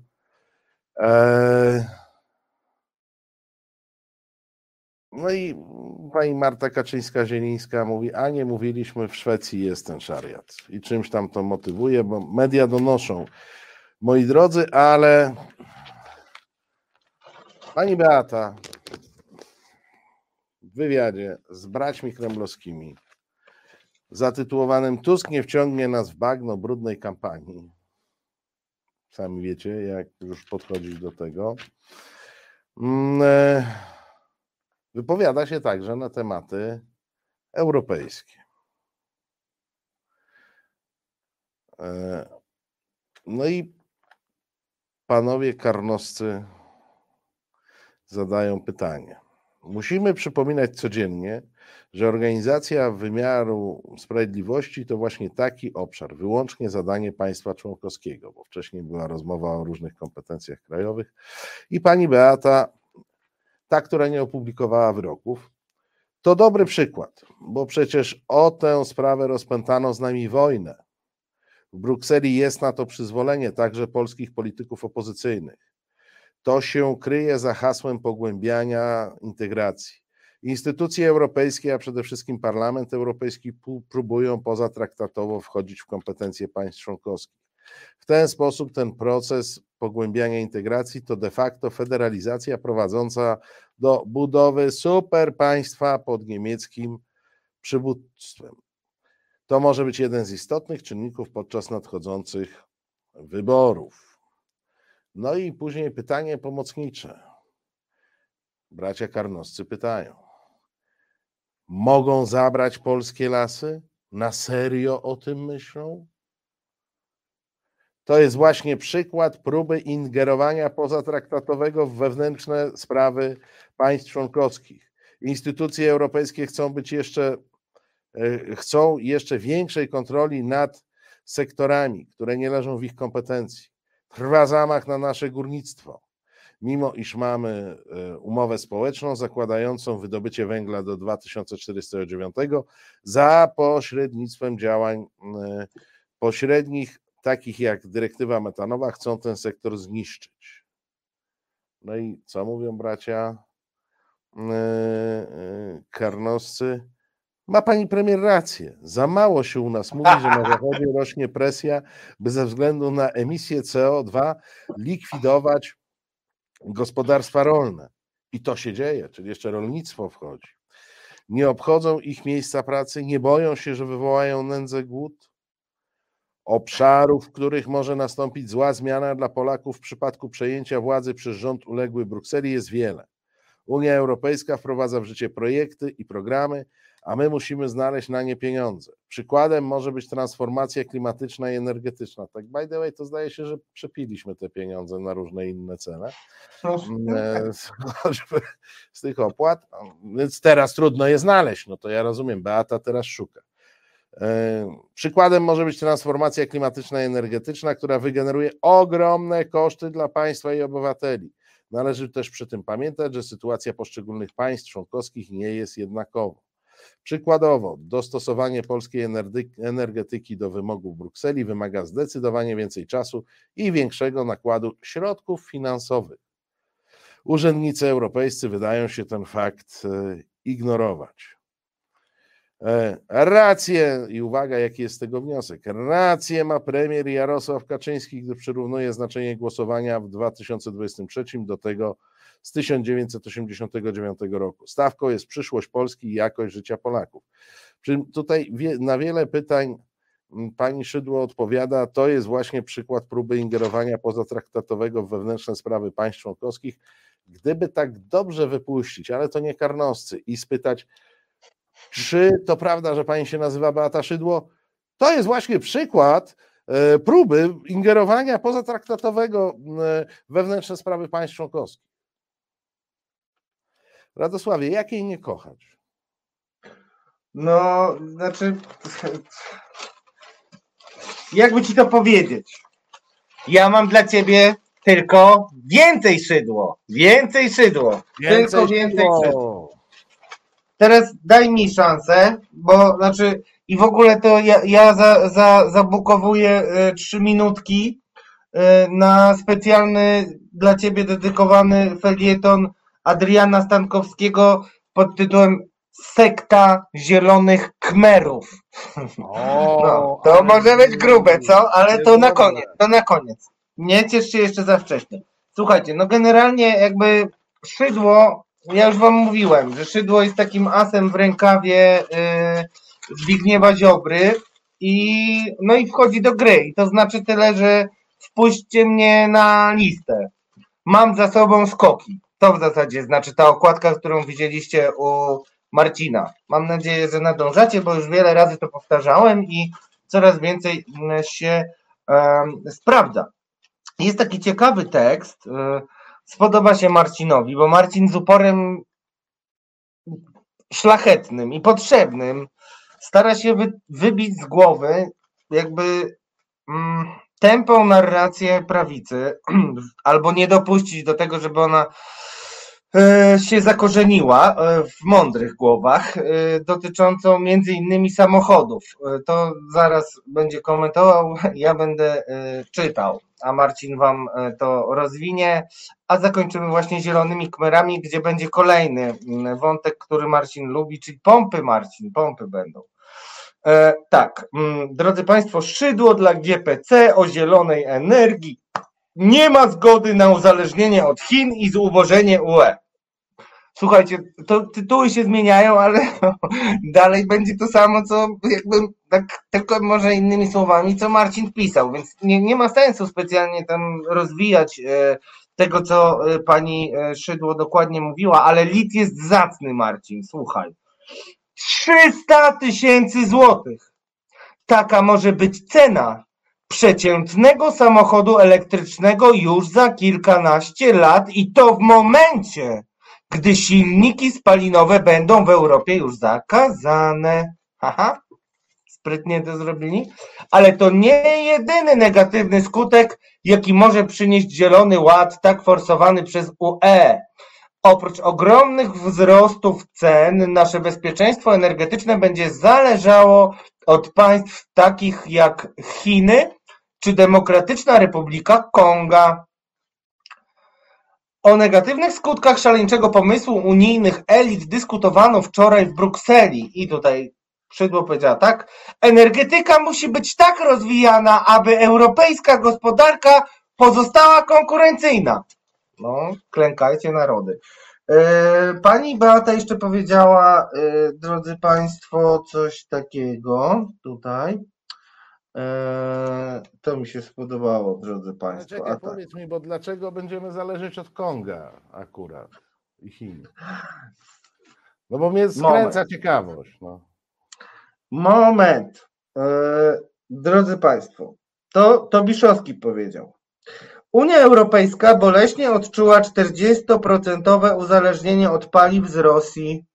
Tymczasem Zielony Ład Unii Europejskiej jest całkowicie zależny od takich krajów jak Chiny, Indonezja czy, Demokratyczna Republika, Kong Republika Konga. To niezwykle niebezpieczne zjawisko, grożące załamaniem się całej polityki klimatycznej w przypadku zerwania łańcuchów dostaw.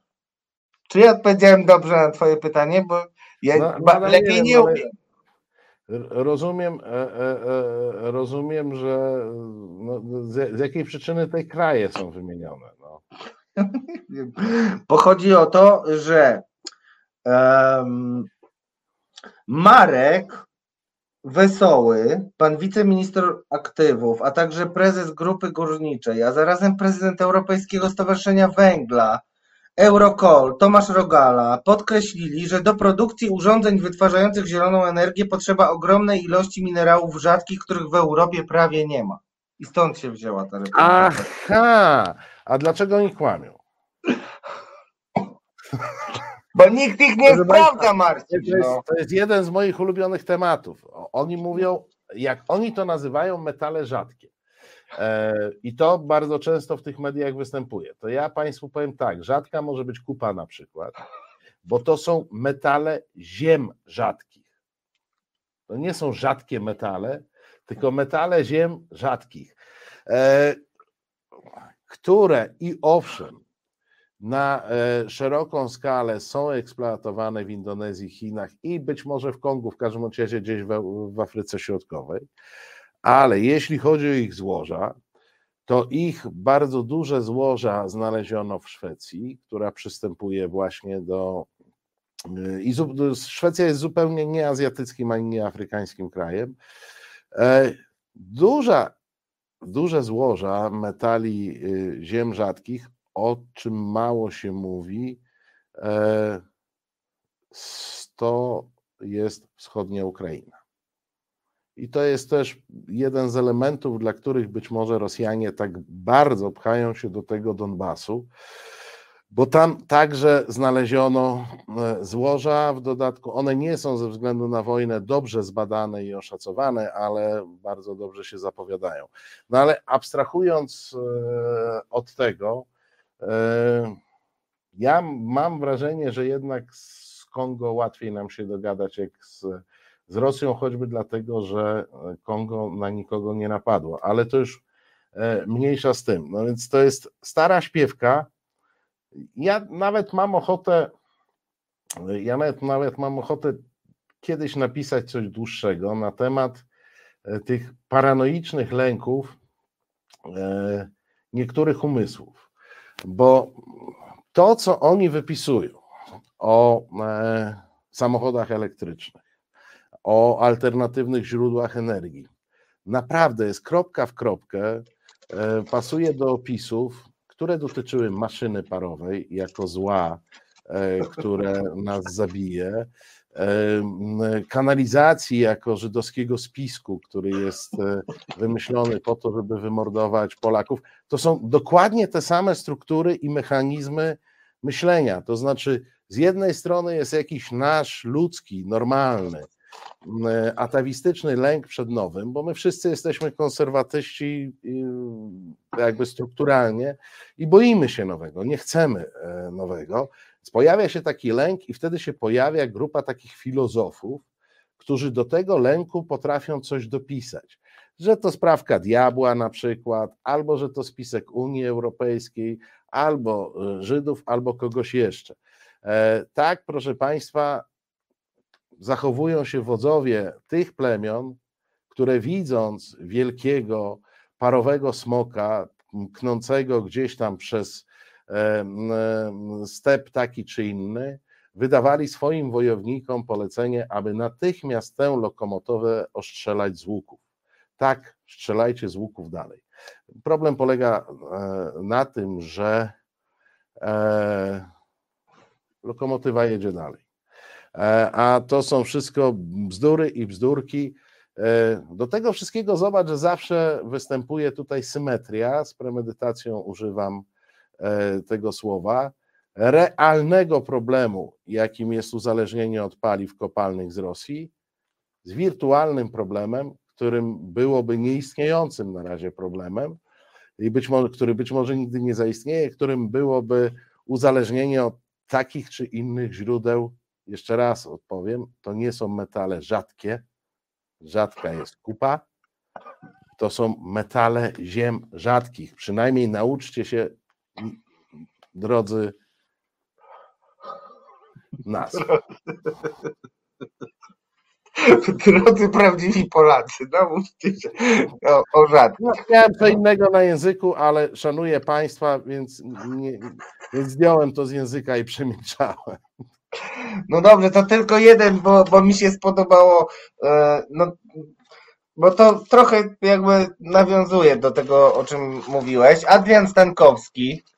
W ogóle chciałem powiedzieć Państwu, że ja byłem długo jego fanem, bo gdzieś przeczytałem, że on e, kończył szkołę aktorską, ale clue w tym zdaniu to, to jest to, że zabrakło S na końcu, bo on kończył, ale jak go zapytano o to, to, to jakoś tak nie umiał powiedzieć dokładnie co i jak. Nie wiem, może się mylił z powołaniem, czyli że chyba, chyba się minął z prawdą, no ale, ale okej. Okay. E, słuchajcie, sekta Zielonych Kmerów, no jakby zrobiłem tak, widziałeś jak, yy, yy, wiesz, jak yy, kolega Raczka, bo, bo naprawdę głowa aż, aż boli. No, chciałbym wam powiedzieć. Tak, e, kochany był, naprawdę. E, mm, no, chciałbym wam powiedzieć, dlaczego ten e, felieton nazywa się Sekta Zielonych Kmerów, ale razem będziemy musieli to zgadnąć. Więc przeczytam, ale szybciutko.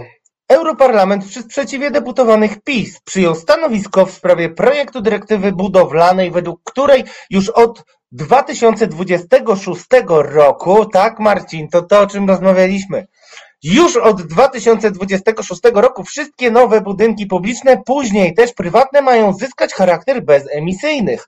Do ogrzewania nie będzie można używać węgla ani gazu, bo zastąpić je mają instalacje fotowoltaiczne i pompy ciepła. Nawet fajnie brzmi to w odniesieniu do jednego lub kilku budynków. I to jest, za, ten, za to zdanie chciałbym wężykiem. Nawet fajnie brzmi to w odniesieniu do jednego lub kilku budynków, ale projekt ten oznacza konieczność przebudowania całego kontynentu. Właśnie, no. no dobra.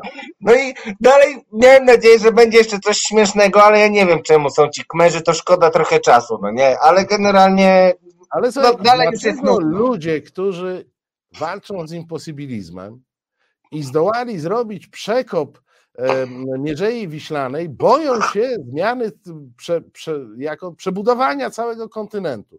A cóż to dla nich? Imposybilizm jakiś?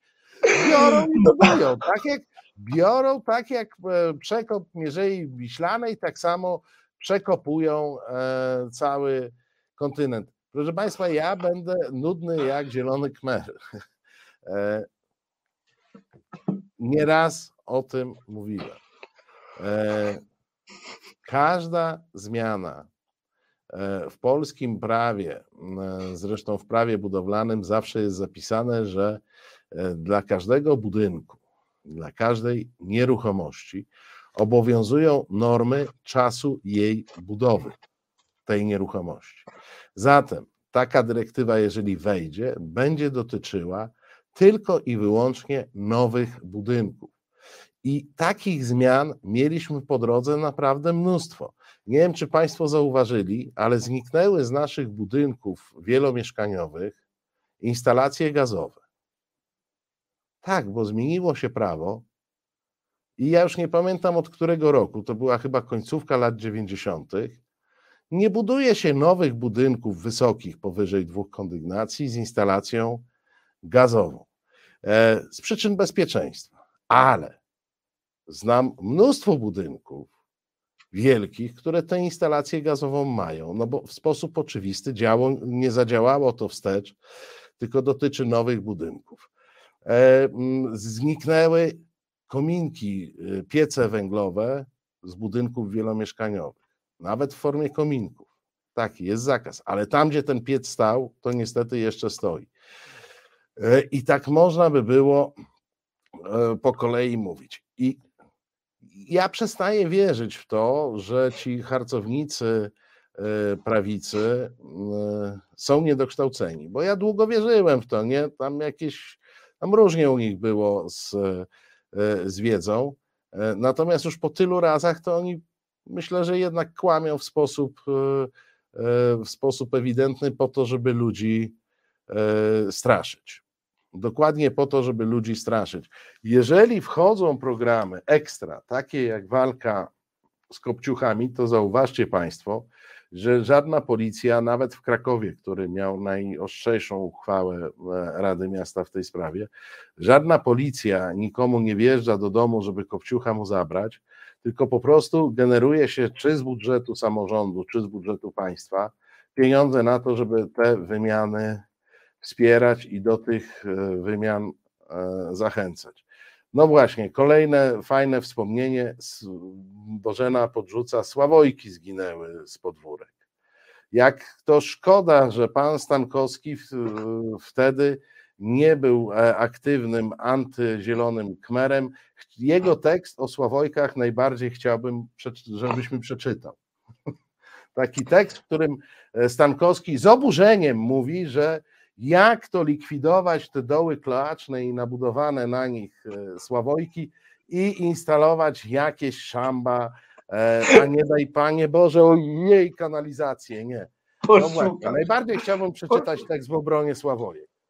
poszukam, poszukam. Myślę, że myślę, że dałeś mi ambitne zadanie, ale A to nie jest obawiam niemożliwe. się, że obawiam się, że jak już dałeś jakiś wzór, to na pewno coś tam znajdę, niestety.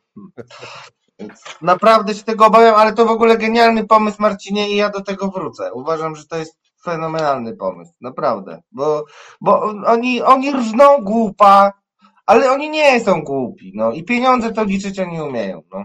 Tyle wam powiem. Nie, Tak. nie chce mi się wierzyć, wiesz, bo mm, wiara w, w, w, cudze, w cudzą głupotę, niedokształcenie, e, zacofanie, no, musi mieć swoją granicę. No. E, Naprawdę. Tylko, że wiesz, będzie to najprawdopodobniej w kampanii będą to tematy mocno obecne, bo tak, będzie się Tak. ludzi straszyło, e, bo ruszyłeś temat w, w poprzednim tekście, ruszony był temat elektryków. I teraz powiedz mi tak, skoro w tej chwili najtańsze auto elektryczne kosztuje mniej więcej 50 tysięcy złotych. Nie będę, e, nie będę podawał marki, nie najlepsza marka, nie najlepsze auto, nieważne, za 50 tysięcy elektryka kupisz. Od 100 tysięcy zaczynają się nieduże auta elektryczne już niezłych marek i, i niezłej klasy. Samochód odpowiednik dzisiejszej klasy średniej e, w, z napędem elektrycznym kupisz już tak od 170-180 tysięcy. To jest oczywiście drożej niż ten e, e, sam e, niż ten sam model z em, silnikiem benzynowym, ale wytłumacz mi, tam padło, że one będą kosztowały po 300 tysięcy. A dlaczego? Bo co, konkurencja zniknie? Niestety czystego, ale no. Firmy się umówią między sobą, że od dzisiaj po 300 sprzedajemy, tak? Czepiasz się. Nie, no, znaczy to ja, no, no nie ma żadnego wytłumaczenia, dlaczego 300 tysięcy, no tak se machnął, no, no nie ma, rozumiesz, tak jak nie, nie wiem skąd ci kmerzy, nie wiem co to ma z Kambodżą, nic, no nie wiem, no, nie wiem, no to O, tak i- fajnie brzmi, zobacz, y, jest to pięknie wsparte, patrzę na, na czat w tej chwili. Elektrycznego auta nie da się już zapalić, e, zgasić, jak się zapali. I jeszcze ta narracja idzie, że one po pierwsze spłoniemy wszyscy, spłoniemy. Proszę Państwa, jak będą elektryczne auta, to one, się, one będą się palić, ich się nie da zgasić, a my będziemy płonąć razem z nimi e, w ogniu elektryczno-piekielnym. Ludzie, no kurczę, przecież to jest tak absurdalne, że tego się nie da jakoś poważnie, e, no nie e, da się, no. poważnie skomentować. Tak, auta, które e, nie mają silnika składającego się z grubego e, korpusa, tak jak silnik spalinowy, e, który jest, e, e, który jest e, e, niepalny, po, ponieważ topi się tam w kilku tysiącach stopni czy kilkunastu tysiącach stopni. Okej, inaczej się pali niż auto elektryczne. O, e, e, Waldek dodaje, wiatraki też płoną. Tak, i jeszcze postawimy, w miastach spalimy się od elektrycznych samochodów, a na wsiach spalimy się od tych wiatraków, które wszystkie e, zapłoną. Pan Tomasz pisze, Lamborghini elektryczne o złotej karoserii może być nawet droższe, poza tym inflacja. Obstawiam, że elektryczne Lamborghini będzie kosztowało dużo więcej niż 300 e, tysięcy. Małpiak dodaje, że spłonął mu kiedyś Polones, mm, e, bynajmniej nie elektryczny. No właśnie. I co wtedy? I co wtedy, jak spłonie coś, co nie jest e, elektryczne? Wiecie Państwo, to jest jakiś obłęd e, wynikający z tego, że, że odrywamy się od jakiejś nauki racjonalności. I to jest także obłęd związany z tym, że ci najbardziej, e, m, najbardziej, że tak powiem, konserwatywni przywiązani do historii po prostu nie mają pojęcia o historii. Ja Państwu zdradzę drobną tajemnicę. Motoryzacja na świecie zaczęła się od samochodów elektrycznych i dosyć długo wcale nie było takie pewne, e, że e, e, wcale nie, było takie pewne, że będzie zwyciężą spalinowe. No niestety postęp techniczny w wymyślaniu akumulatorów spowodował, że e, samochody elektryczne, od, którego, od których zaczęliśmy e, mobilizację, mo- motoryzację, e, przegrały, e, przegrały, ponieważ w baku benzyny mieliśmy większy zasięg niż w, elek- w akumulatorach e, ołowiowych. E, Bożena przypomina, że mm, były jeszcze wybuchowe telewizory radzieckie chyba. Tak, ale to chyba te radzieckie z japońskim kineskopem. No dobrze, proszę Państwa, ale spróbujmy wrócić, e, spróbujmy wrócić na tory w miarę poważne, na ile nam się uda, oczywiście, jeśli chodzi o zakres tematyczny e, tego programu, bo proszę Państwa, e, w moim ulubionym tygodniku do rzeczy jest tekst jednego z moich ulubionych specjalistów od Unii Europejskiej, a w szczególności od Niemiec, Rafała A. Ziemkiewicza. Nie wiem, czy jest Ci znany Rafał A. Ziemkiewicz. Raz, no razu i razu i razu. E, jest duży tekst. Tekst się nazywa, proszę Państwa, żebyście nie mieli wątpliwości, niemieckie zagrożenie dla Polski. Tak, proszę Państwa. E, czytałem ten tekst, szukając, czy nie będzie to jakiejś łatwopalności, czy nie spłoniemy z tymi e, e, Niemcami i tak dalej. No więc tekst jest mniej więcej taki. Niemcy knują, a my nie chcemy zauważyć, że oni knują.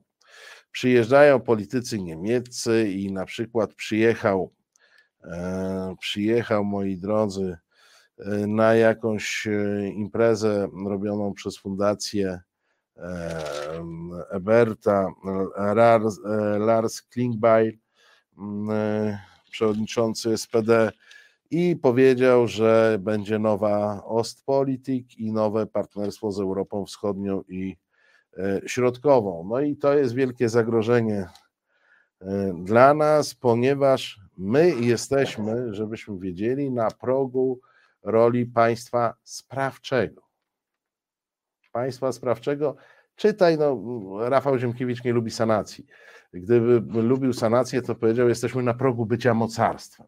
Ponieważ on sanacji nie lubi, to mówi, jesteśmy na progu bycia państwem sprawczym, a Niemcy, ci niedobrzy Niemcy, którzy oczywiście się skompromitowali swoją polityką energetyczną, swoją polityką wschodnią, E, którzy się skompromitowali swoimi ambasadorami w Polsce, którzy e, z, zwrócili e, uwagę na to, że jak zarzucamy Niemcom, że finansowali Putina sprowadzając gaz, to sami też ten gaz sprowadzaliśmy przez lata, to oczywiście bezczelność, ale nie ma już zagrożenia, proszę Państwa, w, do rzeczy Unią Europejską. Jest zagrożenie niemieckie, e, które mm, e, e, Rafał A. Ziemkiewicz zauważa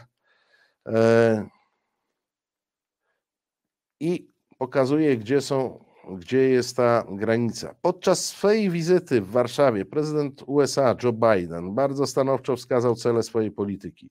Wschodnią granicą Zachodu ma być obecna granica wschodnia Białorusi i Ukrainy. Rosja ma zostać zepchnięta w głąb Azji. Jest to polityka stojąca w skrajnej sprzeczności z podstawowym po 24 lutego założeniem e, polityki niemieckiej, że Rosja musi zostać pokonana, ale nie może zostać zmiażdżona. Nawiasie research e, Ziemkiewiczowski to akurat słowa prezydenta Francji, ale w pełni zgodne z postępowaniem Olafa Scholza.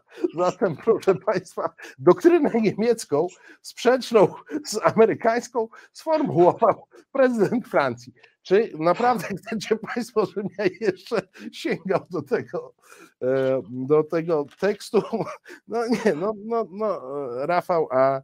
E, Ziemkiewicz się, myślę, E, wypowiedział e, wystarczająco, e, wystarczająco szeroko. Jakoś dziwnie bliźniaczo, dziwnie bliźniaczo pobrzmiewa tekst Konrada Kołodziejskiego w tygodniku sieci w Berlinie bez zmian, więc powiedziałbym, tytuł jest mniej zaczepny, ale Niemcy oficjalnie przyznają się do porażki swojej dotychczasowej polityki wschodniej, ale protekcjonalny ton, który nadal słyszymy z Zaodry, wskazuje, że Berlin nie zamierza dokonywać wobec Polski żadnej zasadniczej zmiany e, kursu. Berlin przemyślał swoją nową politykę wschodnią. Jeśli nie uda mu się w przyszłości odbudować relacji z Rosją, to będzie chciał zablokować powstanie silnego związku między Polską a Ukrainą. Praworządność, rzekome zagrożenia demokracji były dla Niemiec doskonałym pretekstem do ingerencji w nasze wewnętrzne sprawy. Chodziło o to, by pod pozorem troski o wartości europejskiej wywrócić do góry nogami nieposłuszny rząd Zjednoczonej Prawicy i przywrócić do władzy starych, sprawdzonych lenników spod znaku e, Platformy Obywatelskiej. No i co Państwo powiecie? No, z tymi Niemcami, tu mamy trochę tych e, agentów niemieckich na czacie różnych takich, szwajcarskich, niemieckich. Nie wstyd Wam, nie wstyd Wam, my to już wszystko wiemy. Ten kurs jest dla Polski niebezpieczny. Oj, Marcin. No, to nie ja pisałem, to był Kołodziejski, a wcześniej Ziemkiewicz. Nie, no wiem, nie, znaczy, ale wybór dzisiaj był ostry. Ostry. Tak samo jak, jak trudny. Nasze głosowanie, jak tam nasze głosowanie, bo ja nie. Tak nie samo jak trudny, mam nadzieję, wybór był dzisiaj, ale. Nie, proszę Państwa, proszę Państwa, na razie frekwencja jest żenująca. 192 głosy. Ja wiem, że Państwo potraficie e, lepiej, ogląda nas prawie 450 osób, a tylko mm, 193 zagłosowały. E, Anna Moskwa 79%, Ryszard Czarnecki 21%. Mm, e, Jeszcze kilka minut e, mamy. Nie odniosłeś się, Radku, bo ja zacząłem ten wątek